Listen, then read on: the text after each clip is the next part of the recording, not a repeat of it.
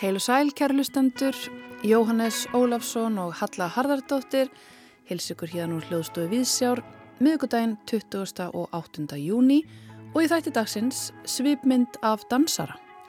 Þyri Huld Árnadóttir var valinn dansari ársins á grímu velununum í ár og fekk einnig grímuna fyrir dansverk ársins, Ringgrás.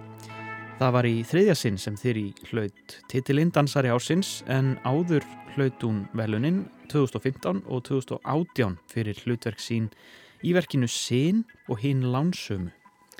Þeirri gekk í danslistaskóla JSB og listanskóla Íslands og hún er einnig með bíagráðu í samtíma dansi frá Listaháskóla Íslands. Hún tók fljótt stökkið yfir í Íslenska dansflokkin og hefur starfað með flokknu með hlýjum frá 2010 og tekið þátt í fjölbreyttum verkefnum sem dansari og danshöfundur. Hún samti þrjú verk um ofurheitunar Óð og Flexu í samstarfi við Hannes Þór Egilson sem hlutu tilnefningar sem barnasýningar ársins og þau voru tilnefnd sem danshöfundar ársins. Hún er meðalstofnenda hópsins Reykjavík Dance Production sem ferðaðist víða um heim með síninguna á vit. Þyri Huld ætlar að sitja með okkur hér næsta klukkutíman og rekja ferilinn allt frá fyrstu dansborunum yfir í dansum fæðingu barna sinna og slisi sem breyti afstöðu hennar til lífsins. Áður við bjóðum hana velkomna, ætlar hún að setja hlustendur í dansstellingar og fara með okkur til Kúpu. Þetta er Buena Vista Social Club og lægið Vende Anjós.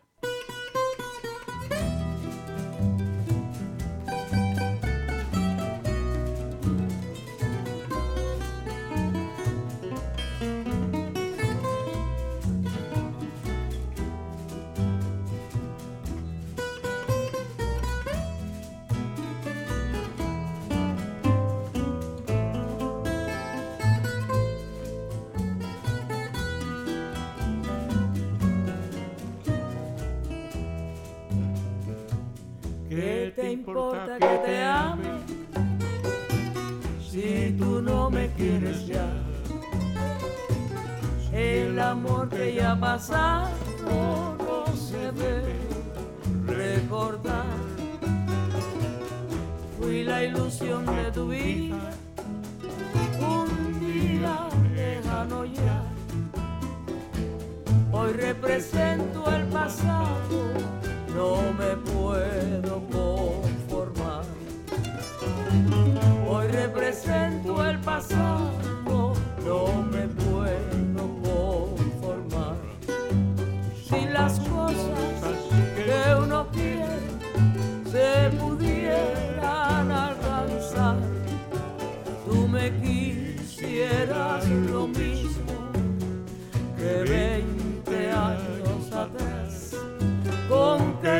tristeza miramos un amor que se nos va.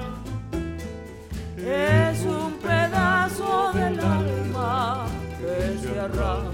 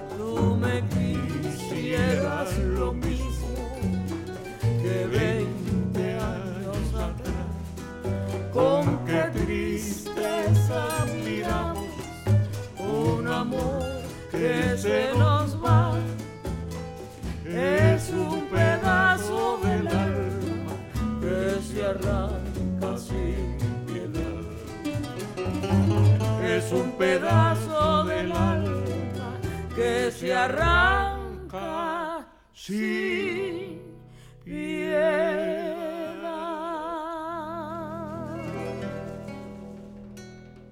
Ansir reynd falleg tónlist til að byrja þessa svipmynd á þýri Huld Árnadóttir dansari, verður velkomin til okkar. Takk fyrir. Segð okkur frá þessu lagavali. Þetta er bara lag, ég var sagt, að ferðast um Suður Ameríku með mannin mínum, tók smá pásu frá dansinum og fór í sex mánuða reysu og bara alltaf þegar ég var í rútunni, við ferðumst með rútu út um allt, þá bara var ég með og vista bara á repeat. Þannig þegar ég heyra þessa tónlist þá er ég bara komin í sóluna, ég finn tilfinninguna og það getur verið rigning eða hvað sem er en ég hlusta bara þetta og þá finn ég tilfinninguna sem ég hafði þegar ég var í Suður Ameríku. Ferða aftur í rútuna bara. Já. Þessi hljómsveit ná- náði bara mikill heimsfræð á tímabilið eftir, eftir aldamótin var bara svona aðal hljómsveitin í þessum skrítnaflokki sem heitir heimstónlist. Á Og- hvaða tímabili var þetta sem varst hana? Ég var að ferðast, hvernig er þetta? Þetta er 2013-14. Einmitt. Og þá varst að taka sex mánuða pásu frá dansinum. Já. Þurftur mikið á því að halda á þessi tíma? Nei, þetta var nefnilega hlutinir einhvern veginn bara gerast og það komu skipti, hérna kom nýr stjórnandi hjá dansfloknum og ég held bara áfram í mínu og var það ekki lengur með þessum nýja stjórnanda og uh, þá var ég mitt samt ég sjálf tvö verk og svo ákvaðu við bara að nýta tíman og ferðast um heiminn og völdum Suður Ameríku. Mm. Bara eins og hún leggur sig. eiginlega og bara í rútum og upp á okkur fjöll og þetta var alveg Já. svaka reysar sko. Þegar vendilega fundi einhvern sem var að dansa á göttum úti eða Heyrði, já, voru ekki fengið algjört frí frá dansinum. nei og mér varst líka með þarna vera bara inn í súpermarkaði og það var eitthvað tónlist og þá sá maður bara allar með kerrunnar bara vera að dansa. Ég var bara auðvitað, maður á bara að vera í fíling allstaðar og náttúrulega bara út á götum þá hérna var fólk, það var eins og að vera að æfa fyrir einhverja hérna, að vera einhver hátíð að fara og það var bara hverja einasta götuhorni krakkar, börn, allir að æfa einhverja rútínur. Og svo fórum við náttúrulega og, í, og gerðum smá salsa tók mannin minn Já. með það og svo fórum við líka í svona hérna e, tango Já. Argentínu maður minn var ekki alveg að press Hafði þetta ferðarlega áhrif á þig sem dansara?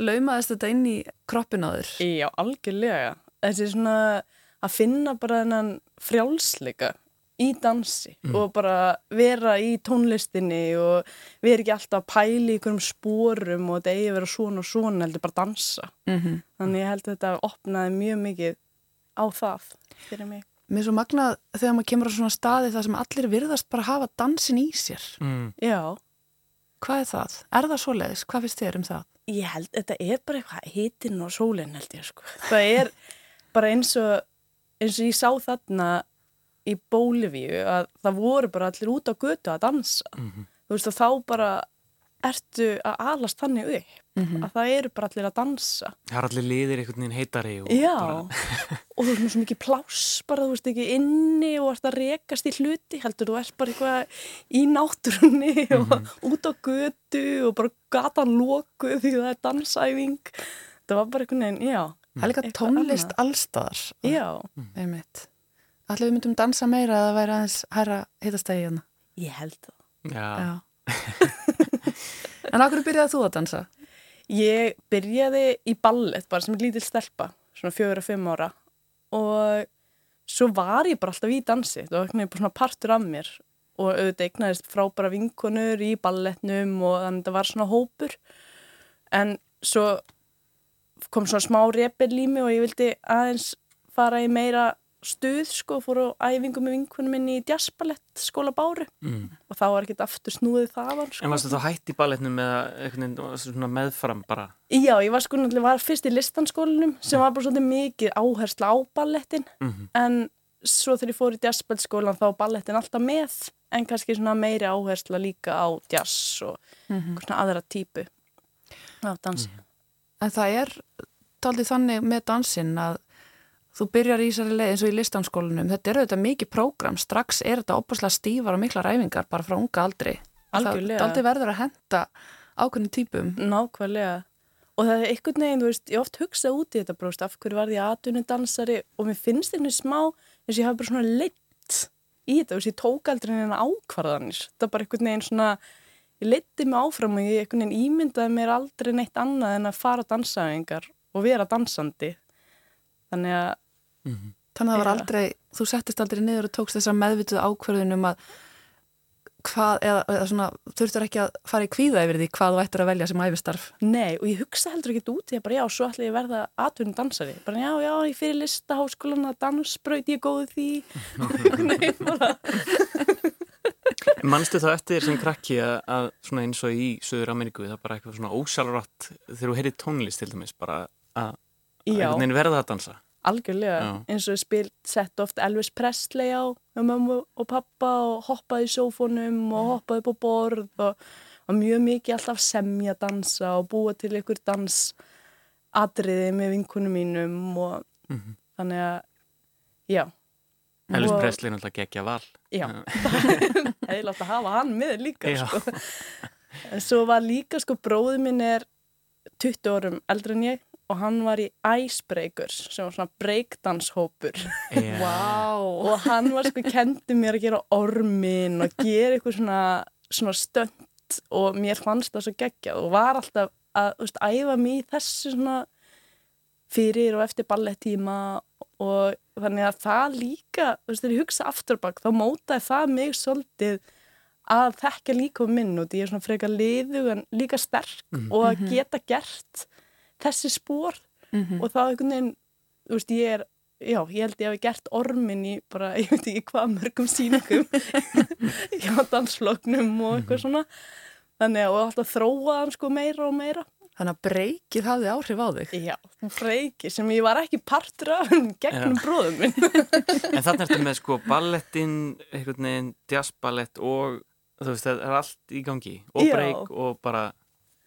En eins og þú segir líka, þú ert mjög liðug og mjög sterk og þú ert, auðvitað allir dansarar mjög líkamlegir. En að horfa á það sviði, þú notar einmitt mjög mikið þessa tækni, þú nýtir það hvað, hvað þú ert liðug og einmitt vinnur daldi með stönd eða svona eins konar brellur eins og þú segir. algjörlega, já, það er einhvern veginn bara svolítið svona þróast með mér og því maður er svona sem dansari alltaf að finna, maður er alltaf að leita að ykkur nýju og svo finnur maður eitthvað, vó, heyru, ég get bara gert þetta. Og þá reynir maður að fara dýpra og dýpra inn í það og því það er, þú veist, auðvelt að vera liðugur en það er, maður þarf að geta nýtt sér liðleikan, þú veist, með því að halda sér í ykkurum stöðum eða og ég er náttúrulega hef þjálfað mig líka mjög mikið, gerir mikið að styrtaræðingum en tegi eiginlega ekki neitt. Þannig ég er alltaf bara að styrkja mig. Þannig að ég sé mig styrkin til þess að nýta liðleika minn.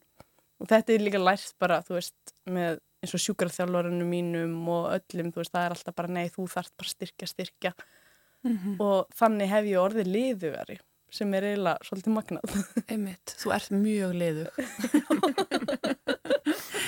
en þetta er eitthvað sko, ef við tölum aðeins um hlutverk þessa klassíska ballettdansara, þá er kannski ekki verið þessi sterka áhersla á það að, að því að þetta hefur verið svo kynjaskipt fag, að konur séu svona sterkar.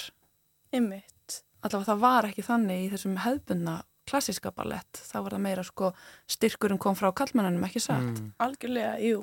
Og það er náttúrulega svolítið með, þú veist, samtímadansi og þá er svolítið fara, þú veist, þessi, þessi kynja hlutverk einhvern veginn hverfa og sem líka eins og dansflokkurinn við höfum alltaf, þegar við höfum verið að ferðast um heiminn og sína þá höfum við alltaf fengið að heyra bara vá hvað stelpunar eru sterkar og vá hvað, þú veist þannig að, og við höfum einmitt svona hugsað eins og sýningin Black Marrow sem er svona mjög líkamlega sýning og mikið, þú sér ekkert mun þú veist á stelpulutverkum og strákarlutverkum Einmitt. þú veist, út í því að það er ykkur og það er ykkur kraftur sem við höfum líka bara í okkur sem Íslandingar getur verið sem að, Magna hvernig það endur speklast í dansinum. já, En er það ekki mitt svona, svona tegund af dansflokki ætti náttúrulega að vinna sem algjörlega ein heild. Algjörlega, jú. Það, og gerir það, Já. þú veist, við erum, erum bara öll það sama. Maður hugsa ekkert, já, þú veist stelpur stráku, bara ég get ekki verið að gera handstöður eða flikk út í ég stelpa, þetta er meira bara ok, hann er að gera þetta, ok, ég ætla að prófa þetta. Mm -hmm. þannig að svona En þú meinar þetta sé ekki orðið almennt viðþorf í samtímadansi hvar sem er? E, þessi ég, Þessi svona flæðandi Flæðandi, jú bæði og. Ég held að sé að þessu ferðanlega líka mjög mikið eftir danshöfundum og þú veist, sumir danshöfundar eru semja allt sjálfur meðan aðrir nýta styrkleika hjá dansurónum mm -hmm. en ég held að það, þú veist, að þessi samrunni sé meiri en á Íslandi líka út af því að við stelpunar erum bara svolítið líkamlega sterkar. Ummitt og talandum sko svona breytt viðþorf í, í dansinum bæði þá til kynja hlutverka en kannski líka bara til líkamanns það er nú eitthvað sem hefur þróast ansverðat síðust ár er það ekki? Jú, algjörlega. Eins og ég með verki mitt þar sem að ég er að dansa kass ólétt og svo er þetta svona um þennan líkama að leifa honum að fara á svið og vera og segja sögu sem hann alltaf leikur sig gerir alltaf að segja sögur og það var mikið af góðum spjöllum um þetta eftir síningarnar sem ég var svona að fatta bara vá, þú veist, þetta var fyrir nokkrum árum bara smá tabu mm -hmm. og þetta ólétt kona átti ekkert að vera ber eða þú veist í ná nærbuksum og brjóstarhaldara upp á sviði eitthvað mm. að, að tjási hún átti bara slaka á og bara þetta þótti bara svona ekki viðegandi Einmitt. þannig að og svo líka eins og einn stelpa frá Fraklandi sem talaði um að það væri ennþá í dag ef ég, þess, þetta verka hefur sett upp þar það hefur verið setta spurningar fram þannig að og það má mann kannski líka þakka bara svona kvennabarátt á Íslandi þú veist að mann mm -hmm. finnst bara sjálfsagt að ég segi mína sögu og fer og svið með líka að minna alveg sama hvernig hann er og er bara, já Akkurat, mm. að þú sért bara basáðandi kona í vinnunni Já, algjörlega mm -hmm.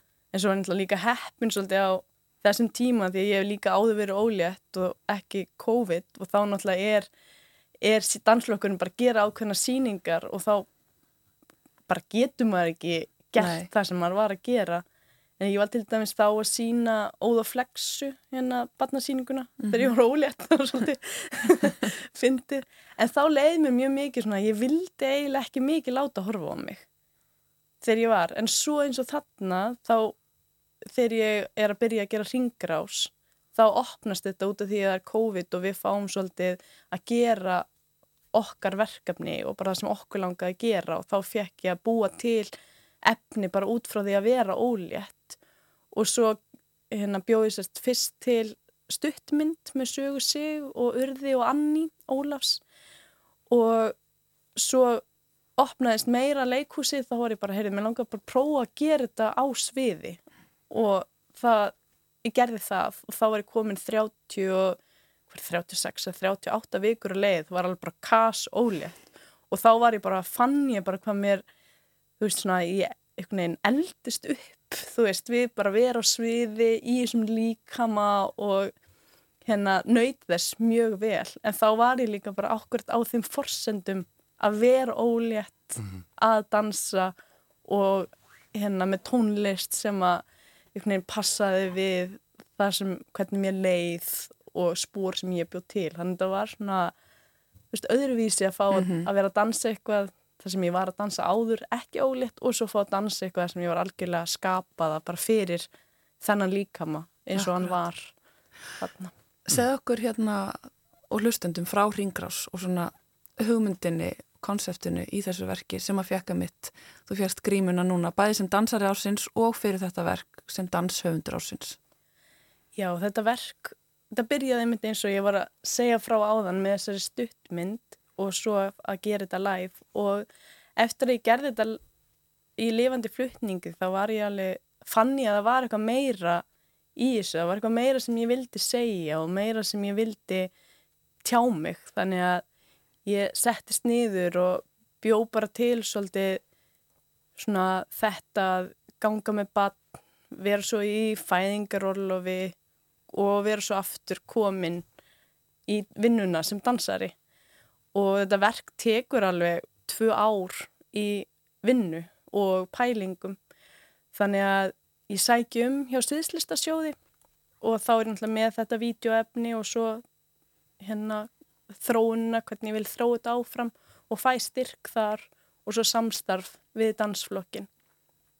Og um, svo bara, já, sagt, bjó ég bara til efni út frá þessu eins og þú veist tilfinningun að vera með bann inn í maganum á mér, hvernig þú veist að finna ykkur treyfa sig svona hægt og sparka og í algjörum kuðungi og þannig ég er svolítið að vinn bara hvert kapla út frá tilfinningum sem ég var að upplifa að ég gangi gegnum þetta ferli. Mm. og eins líka að fæða bann sem er bara eitthvað sem maður getur heil ekki líst en það eru svona tilfinningar og eitthvað sem maður mann eftir. Þú veist að fara í gegnum stig af rempingi þú veist að byrja í andadrætti sem bara svo teku líka minn yfir.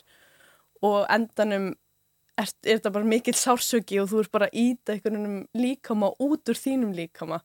Þannig ég var svolítið að fara aftur í gegnum þessar tilfinningar og að búa til dansbor út frá því.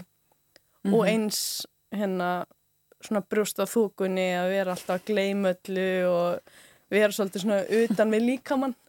Þannig að e, efnið í verkinu kom mjög auðveldlega til mín út ég var bara að leita í tilfinningar sem ég var búin að upplifa og var svo semja dansbúr mm. út frá þeim. Með það er að Hugsaður á einhverju tímpúti í þessu ferli þetta gæti orðið dans? Á meðgöngunni á Nei, ekki, kannski meira eins og í fæðingunum var ég bara, hvað hva er ég að gera? hvað, hvað, hvað er ég? En þá fór ég líka að hugsa bara, hvað það eru allar konur sem eignar spöld fari gegnum þetta og bara hvað við erum magnaðar og þetta er bara eitthvað mm. svo stórfenglegt og mér fannst einhvern veginn, ég vildi svolítið upphefja þetta og svolítið svona gefa okkur svona þú veist, já, sýt okkur brá okkur hérna stól, bara mm -hmm. við gerum þetta og bara, þú veist, að fara leifa fólki að upplifa þetta sem áhörandi þú veist mm -hmm. út af því að það er ekkert margir sem að upplifa að horfa fæðingu eða, eða upplifa fæðingu en bara sjá að líka minn gerir þetta mm -hmm. þannig að auðvitað var, er ég öruglega alltaf að hugsa í dansi þegar mm. ég er að fara í gegnum en svo einhvern veginn kemur það til mín öruglega meira þegar ég er búin með ferlið bara já, nú er ég bara með fullt af efni sem ég er búin að vera að sanga að mér mm -hmm. í gegnum ennum tíma Ummitt, verkið er mitt sko sem ég sá um mitt og fannst alveg magnað það svona það deilir þessari tilfinningu um valdeflingu konunar en á þess samt án kannski samt þess að um, upphefina sem ykkur skonar giðju, þú veist, þetta ég uppliði það líka í salnum og með áhörundum að þetta þarf það var hægt að upplifa þetta mjög stert án þess að vera sjálfmóðir að, þú veist, bæði kallmenn og konur og mm. öll kyn tengja við þetta verk, þú þarft ekki endilega að um, hafa fætt barn til að upplifa þetta verk stert, það var mín upplifin þó ég hafi sjálf fætt barn en mm. þau sem að ég var með á verkinu deltu því með mér. Einmitt, og það er einmitt það sem ég líka svo þakklátt fyrir sem ég hef heyrst frá fólki sem er komið til mín og einmitt ekki gengið í gegnum þetta en fann bara, þú veist, konu sem segði bara en ég var svo stolt og svo ánægð að vera kona eftir að hafa hort á verkið þó að hafa ekki farið í gegnum þetta ferli eða ætli sér að fara í gegnum þetta ferli og það var eiginlega bara, þá fannst mér smá bara ok, ég, ég þarf ekki að heyra neitt meira, núna er ég bara já, þú veist að heyra þetta það var, gerði mm -hmm. mjög mikið fyrir mig mm -hmm. Emitt, uh, ringrás verður það eitthvað sínt aftur? Herri, já, það eru uh, umræður, það er ekki komna neina fastar dagsetningar en það er verið að reyna að finna plás til að setja upp nokkra síningar mm -hmm. í viðbútt Jói, þá getur þú skelltir Nú skell ég mér, já, já. nákvæmlega Ég held að það komi tíma á smá músikpásu Já hvaða músíka þú setja á? Því ég er með næsta lag eða setja hann á og svo segja okkur af hverju þú valdir þetta lag. Já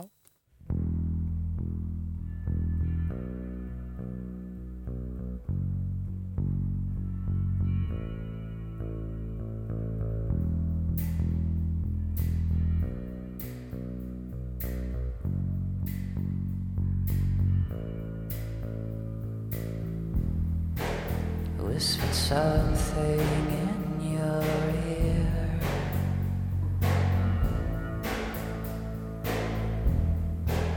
It was a perverted thing to say.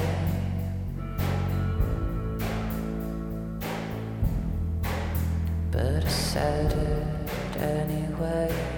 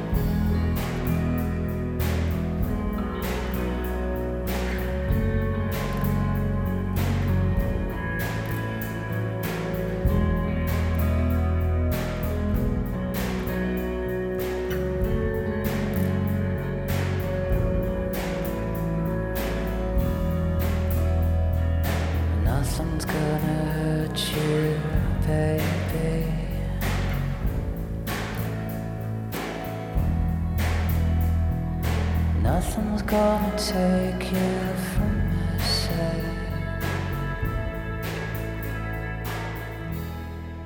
Nothing's Gonna Hurt You Baby. Cigarettes After Sex. Um, það var Þyri Huld Árnadóttir dansari sem að valdi þetta lag. Hún er hér hjá okkur í sveipmynd Þyri, uh, þetta er frábær hljómsveit finnst mér. Uh, hvaða, af hverju valdur þetta lag?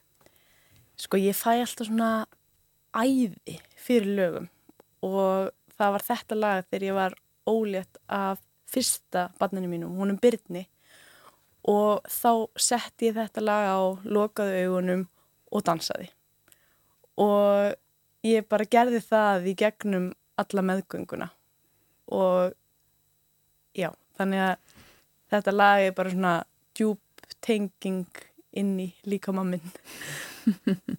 Heldur þetta hafa haft áhrif á Byrni? Já, pottið, hann er svo slakur og góður. En þegar þú varst að byrja að dansa og, og, og, og læra dans og þú varst þetta með alls konar í kringu þig, alls konar tegundir að dansi, varstu með einhverjar svona um, fyrirmyndir? Ég meina þú er greinlega verið í góðum tengslum við svona þetta, þetta listform og líkamann. Uh, hvað, til hverra horðiru einhvern veginn þegar þú varst að finna þér þína, þína braut? Þú náttúrulega hort til bróðins, Já, eldri bróður. og svo þá náttúrulega þeir eru yngri en svo þegar ég fer í listaháskólan þá náttúrulega opnast svolítið dyrnar af því hvað er að gerast út í heimi sem að ég vissi ekkert og þá fór ég og kynnti svolítið sirkus, svona nútíma eða svona contemporary sirkus og það er hérna e, dóttir Charlie Chaplin.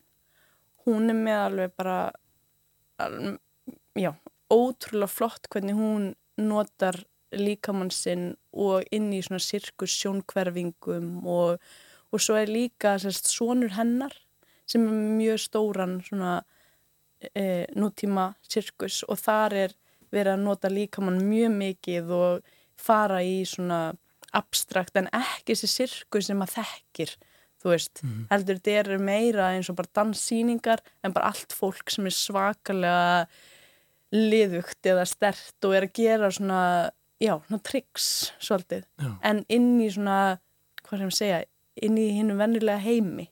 Þannig að þú ert ekki inn í sirkusheiminum heldur kannski bara inn í stofu og það gerast alls konar hlutir á sviðinu í sviðsetningunni. Þannig að þetta er svona já, Ek, ekki beint dans en ek, eitthvað staðar hann á Jú, þetta er sko mjög mikið dans en þetta er samt sirkus. Já, er, já. og ég hefði aldrei séð svona sirkus áður. Þannig að ég var svolítið mjög inspiruð af þessari tækni. Hvar er þessi sirkus staðsettur? uh, ég held að ég sé það ferðast bara mjög mikið um heiminn en mér finnst þess að sé nú er ég kannski að fara með vitlis Belgíu, Frakland, Belgía. Mm. Belgia er náttúrulega mjög framalega í samtímadansi. já, mjög Mikið Mm. að gerast þar. mjög mikið að gerast þar og mitt mikið af svona samtíma hópum og svona sjálfstæðum flokkum og ég mitt horfi líka, horfi líka mikið þangað flokkur sem heitir Ultima VS svona íslensk stelpa sem heitir Tanja var að dansa lengi með og þannig að já, svona mjög fysikal Mm eða mjög líkamlegir dansflokkar En þú, eftir að útskrifast úr listaháskólanum, þá ferði bara beint inn í flokkin, ekki satt? Jú, en ég fór sko, var í starfsnámi hjá flokknum síðasta ári mitt og þá var Erna og Damjan ég mitt að setja upp verk sem heitir Transakvania og þá voru svo margir dansarar að meiðast og detta út og þannig ég fekk bara tækifæri á að vera með í síningunni sem gerist ekkit oft því að maður er náttúrulega ekki alveg tilbúin sem maður er ennþá í starfsnámi. Þannig að það var bara ótrúlega góður skóli fyrir mig að fá að bara fara á svið með dansflokknum þarna strax og svo að ferðast með þeim eftir til sýningin fór að ferðast. Og síðan bara eftir það fór ég í indugupróf hjá dansflokknum og það voru nokkra stöður lausar sem gerst ekki oft. Og fekk samning svo í kjölfarið eftir það.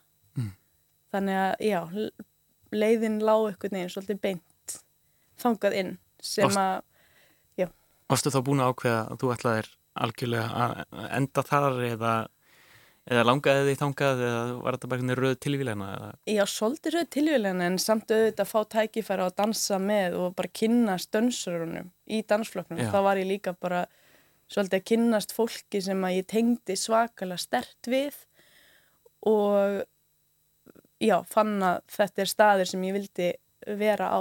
Þannig að það var, já. Og þú ert búin að vera þarna með hljem í áratug Já, og nú er komið að tímamótum hjá þér. Þú ætla bara að hætta á topnum.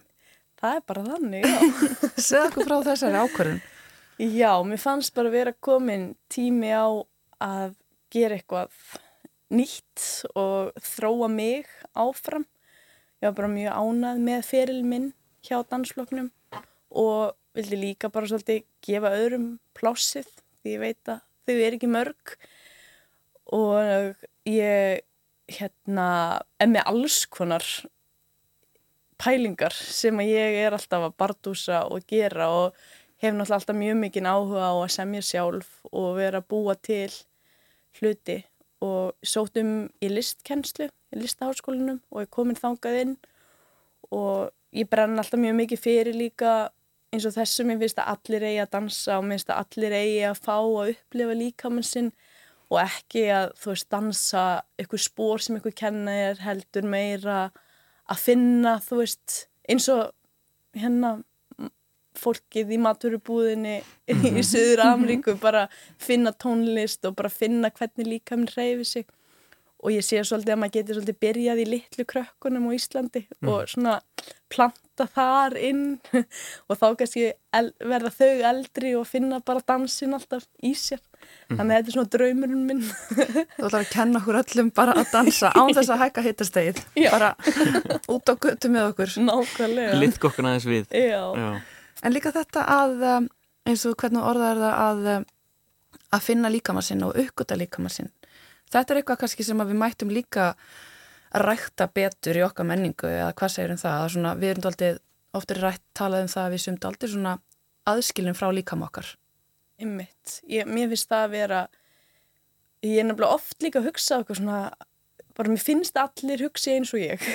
Þú veist að allir séu búinir að vera, en auðvitað ég er búin að vera að þjálfa líka um minn mjög mikið og mjög mikið að tengjast honum og hlusta á hann og það er eitthvað við það, þú veist, að fara í svona hlustun og bara slaka á og leggjast á gólfið og bara, þú veist, finna bara hvað líka mann vil gera, þá byrjar hann að reyfa sig og byrjar að faða taka mann í eitthvað ferðarleg mm. og það er eitthvað svona að vera í svona sterkri tengingu við líka mann, það gerir mann eitthvað neginn bara í sterkri tengingu við líka bara náttúruna og matin sem har borðar mm. og mhm. allt það eitthvað neginn út í því maður veit hvað það er sem líka minn vill og maður veit veist hvað það er sem hann á erfiðara með að fá ón í sig og allt svona þannig að mér finnst þetta allt tengjast í svona mikla eina held og það er líka eitthvað sem ég er mikið hérna að vinna með núna erum við með spýrunámskeið, kenna fólki að spýra fræ og aktivera hnetur og er að gera það með vinkunum minni sem heitir Hildur og það tengis líka svolítið bara inn í dansin. Mm -hmm. Þú veist mhm. þetta að hérna, þú veist það sem við setjum inn í líkamann og hvernig við hlustum á hann og hvernig við leiðum honum að vera í sínu best standi. Þannig að það er svona... Mm. Kanski rækta þessa hugmynd bara um að þetta sé allt ein heild. Já, algjörlega. Mm -hmm. Ertu vegan? Já, ég myndi segja eiginlega, ég er eiginlega svona aðhyllist svona lifandi fæði, heitir það. Hvað er það? Þannig að lifandi fæði er bara matur sem er svona mjög auðmeltanlegur og það sem er svona helstu er eins og ég byrja alltaf dæna að fá mig skot af kveitigrassi og svo drekk og drekk sem þú byrjir til sjálf þá? Já, svo sem ég fyrir upp í hérna lampaga þar getur maður keift kveitigrass og eins og dýrin þau borða græsla að reynsa sig og þetta er bara sama, þú veist þetta hjálpa líka hann bara að reynsa út.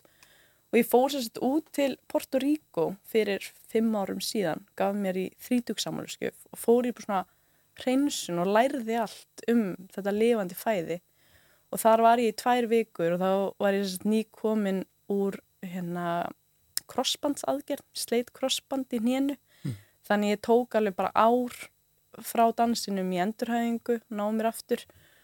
Og þannig ég fór þarna sagt, svona partur af endurhæfingunni og lifiði á þessu fæði og læriði hvernig ég átt að spýra og rækta og allt þetta. Og það sem ég fannst bara svo magnað var hvernig ég uppliði veist, örið sem ég var búin að vera alltaf að nutta ná svona samgróningum úr var bara orðið bara svona alveg kvítt og mjúkt og líka minn var allir svo mjúkur og húðinn og þetta var eitthvað svona bara mér leið, ég var bara sjálf eitthvað svona spýrast úr sjálf endurfæðast endurfæðast, já. Og eftir þetta breyttist lífið mitt bara, þú veist, þá, og ég fann eitthvað svona, mér leið svo vel og þá fór ég bara að lifa svolítið eftir þessu. Mm. en auðvitað, þú veist, þetta er náttúrulega svolítið passar ekki alveg inn í samfélagið okkar í dag, þetta er svona aðeins öðruvísi þannig ég náttúrulega tek eins og þú veist, fer ég út að borða eða eitthvað, þú veist, þá get ég ekki verið bara nei, heyrðu, ég, ég verð að gefa mér lífandi fæði Þú slakast undum á kröfunum. Já, en bara ég veit að þetta hjálpa líkamannu mínum að vera alltaf með 100% meldingu og allt þetta bara mér líður svo vel, þannig að Þú náður að finna þarna hvað lætu því að líða vel. Já, og líka bara með dansinum, þú veist, ég, að borða veist, alltaf tilbúin að fara upp á svið og fann líka bara, þú veist, varða líðu og aðri líka, þú veist, þannig að það er eitthvað svona, Jú, ég held að við ættum að fara að fá okkur Já, hveitigrass. ég held að það er bara lífandi fæða hérna af. Þetta verður ekki verið auðvelt fyrir dansara, manneski sem hefur dansina af æfistarfi að lenda í svona slisi. nei, það tók alveg á og líka því ég fór sko fyrst hérna, ég var sérst, að dansa óð og flexu, það gerist þar, ég hoppi ykkur tring og lendi illa og heyrist svona smellur og ég finn alltaf bara beint Mm. e, til sjúkarþjálfara sem að kíkir á mig en einhvern veginn sér ekki veist, að, hnes, að ég sé með slit það er eitthvað svona test sem ég ger og ég veit ekki hvort það sé út í ég bara með oflausa liði, ég veit það ekki. Allan það kom ekki út úr því testi að ég væri með sliti krossband þannig ég var bara tilbúin að fara að teipa mig og var að fara að sína Black Marrow sem er mjög krefjandi síning í Danmörku. Og var bara, já, ég teipa bara á mig neð og svo voru allir bara, nei, þýri þetta, láttu kíkja á þetta. Þannig ég fór til bæklunalæknis og hann eiginlega bara svona horfið á neð og sagði, nei, þú ert með sliti krossband. Mm. þannig að, og þá fór ég í myndatöku og þá sást að krossbandi var slitið. En þetta var eiginlega bara soldið að besta sem kom fyrir mig eins og ég sagði á þann ég ætlaði bara að teipa hnið og fara að dansa. Það var svolítið mitt, þú veist. Ég bara hendi mér alltaf í allt og þú veist, var kannski ekki alveg jafn mikið að hugsa um einhverja afleðingar að ég gæti meitt mig og því ég var alltaf bara þú veist, gatt hend mér og hoppaði spíkat og lenda á rassinum og þú veist, það var bara að gera alls konar einhverja svona hluti.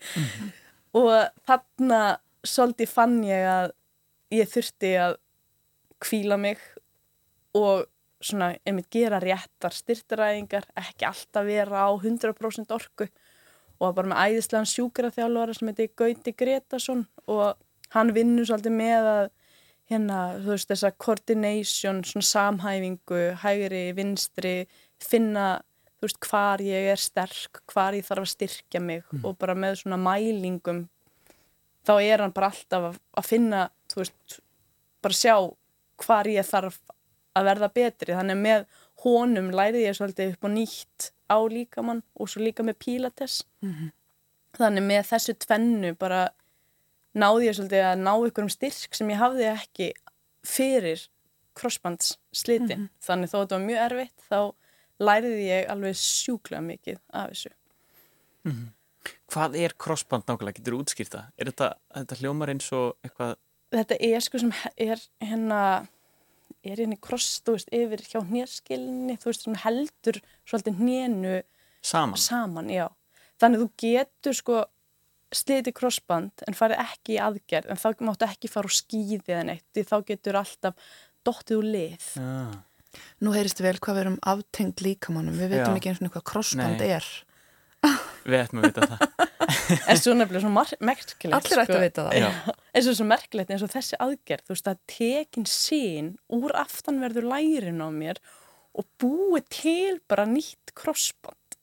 Vá. þú veist þannig að bara tekin bara svona vara hlutur úr líkamannum og gert nýtt krossband þetta er svo, og þá náttúrulega þurfti líka að sérstaklega að þú veist styrkja aftanvert lærið þar sem að sínin var tekin Mhm. Þannig að þetta er allt svo eitthvað Þetta er náttúrulega ringrás.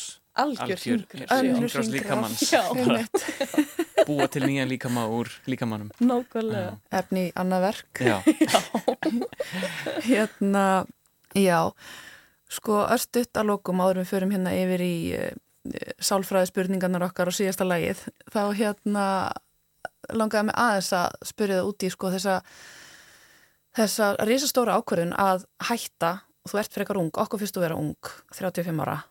En þetta er þetta líftími dansarans er stittri en í öðrum fögum en reyndar er það að breytast núna eins og ert búin að vera að tala um það er öðruvísi viðþóra til líkamanns í dag og svo framvegis en þú ert komið með einhverja tilfinningu fyrir að þú viljið fara að gera eitthvað annað. Er þetta, þetta er eitthvað jafnstór ákvörðun og að byrja að dansa þó að þú hafið reyndar aldrei tekið það ákvörðun eins og þú sagður eitthvað líka. Er þetta kvíðavaldandi eða hvernig, hvernig upplifur framtíðina? Ég er bara mjög spennt fyrir framtíðinni og auðvitað hugsa ég samt líka út af því að að vera í dansflokk, þetta er bara svona fjölskyldan þín og þú tengist svo mikið þeim sem þú ert að dansa með en ég reyndar margir sem að byrjuðu með mér eru hættir þannig að ég hef líka verið að fylgjast með fólki sem að búið að dansa í 15 ár hjá dansflokknum að fara ykkur að nýja slóðir og bara mjög spennandi þú veist að sjá og fylgjast með þannig fyrir mig bara er ég ég fann bara það er komin þessi tími og með hérna, ég er aldrei að fara að hætta að dansa en ég er kannski meira að fara að vera kannski með spunasýningar á listasafni eða vera að vinna með einhverjum frílandshópum og vera meira bara í þeirri senu en mm -hmm. svo í mínum pælingum eins og ég er hugsa um líka að fara í pílateskennaranám mm -hmm. í, í Hollandi það er svona það er draumur sem er mögulega að verða að veruleika og það er mitt líka, þú veist, eins og með pílatesið er eitthvað að þú ert aldrei búin að ná einhverjum topp í pílatesinum, maður er alltaf, þú veist, næra styrkja og komast lengra inn í kórið og finna hérna, já, líkamann. Þannig að ég var einmitt í Hollandi núna uh, í síðustu viku og hitti þar konu sem er eina konan í Evrópu sem getur gefið þessi Rómana Pilates kennar réttindi og ég uppliði bara þar svolítið eins og þegar ég var að byrja hjá dansfloknum bara, þú veist, ég var að horfa á þess að dansar og var bara, vá, ég ætla að verða svona, bara og ég var alltaf bara í morgun tímum þú veist, að horfa á hvernig þau voru að gera hlutina og, og, og ég var svolítið að upplifa þetta aftur, bara ég var aðna í sem tíma og hún var bara já hérna good girl, good girl, bara meira inn og spenna og ég var bara já ég get orðið betri í Pilates þannig að Þú strax komið nýja drauma og ný markmið. Já, algjörlega. Búin að spýrast upp og nýtt. Ég spýrast og hérna finn, já, þannig að það er bara nýjar áskoranir og ég er svo tilbúin í nýjar áskoranir Frábært þeir í huld Árnadóttir, við munum fylgjast með þér spýra áfram eitthvað staðar Jói og að uh, fara í prúst spurningarnar Eða ekki? Mm -hmm. um, og ég byrja Já Hvað finnst þér þitt helsta afreg áferlinu? Það er að hafa fætt tvö börn og búið til dansverk í kringum það Hver er þín helsta fyrirmynd í lífinu? Helsta fyrirmyndin mín í lífinu. Ætla að sé ekki bara bjössi bróðum minn? Sem kendi þér að breyka. Já. Æðislegt. en þú ætlar að setja á lag í lokin. Já. Er það eitthvað sem þú getur breykað við? Eða? algjörlega, þetta er bara geggjað lag. Segðu hvernig það frá. Þetta er lag sem að ég var í brúðkaupi í París síðast sumar og það var svona lítið brúðkaup og við vorum öll stödd í Fordrikk á stað í París og þetta lag kom á og ég var bara, ég gati ekki sittið í sætunu, ég bara varða að standa upp og svo var ég bara, hvað lag er þetta, hvað lag er þetta? Er ykkur svona sem getur stöðum með svona app sem ég man ekki hvað heitir til að finna mm -hmm. lagið. Og það var fundið fyrir mig og svo hef ég bara spilað þetta non-stop og alltaf fyrir hverja einustu síningu á Ringarás og setja þetta lag á og bara dansa frá hjartanu og þannig kemst ég í gýrin fyrir síninguna. Þeirri Huld Arnardóttir, dansari, takk innlega fyrir að vera með okkur í svipmynd hér í Vísjá í dag. Nú setjum við lægið þitt á Púki með Aya Nakamura og bara allir út á dansgolf.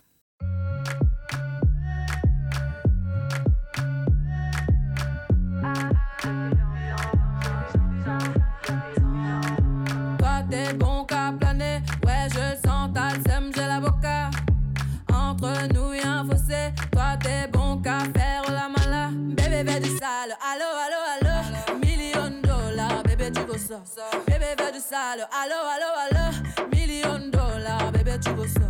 J'suis gang, oh game. Boy, ne joue pas bang, bang, bang. J'suis gang, oh game. Boy, ne joue pas bang, bang, bang. Bla, bla, bla, bla, pouki.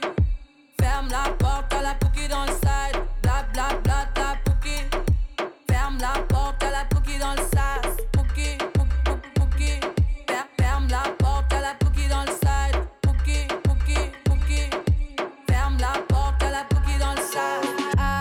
depuis longtemps, j'ai vu dans ça. Depuis longtemps, j'ai vu dans ça. Depuis longtemps, ah, ah, j'ai vu dans ça. Bye bye, j'ai pas besoin de bye bye. J't'ai barré fort, là j'ai pas le time pour toi. J't'ai barré fort, là tu fais trop d'efforts. C'est bye là, c'est pour les mecs comme ça. Ta clé pour des pipettes, ça va claquer. Pour des pipettes, ça va claquer, crack. Pour les bombes, ça va grave crack. J'crois que c'est leur ding dong. J'suis gang, hors game. Boy ne joue pas bang bang bang. J'suis gang, hors game. Boy ne joue pas bang bang bang. Bla bla bla bla Pouki. Ferme la porte à la Pouki dans le side. Bla bla bla bla Pouki. Ferme la porte à la Pouki dans le sas. Ah, depuis longtemps, j'ai vu dans ça. Depuis longtemps, j'ai vu dans ça. Depuis longtemps, ah, ah, j'ai vu dans ça. Bébé veut du sale, allo, allo, allo. Bébé, tu veux ça. Bébé veut du sale, allo, allo, allo. Million de dollars, bébé, tu veux ça. Oh, c'est chaud là, oh. Oh, c'est chaud là. Oh, c'est chaud là, oh. Oh, c'est chaud là. Ah, depuis longtemps, j'ai vu dans ça. Depuis longtemps, j'ai vu dans ça. Depuis longtemps, ah, ah, j'ai vu dans ça longtemps, j'ai vu dans ça depuis longtemps.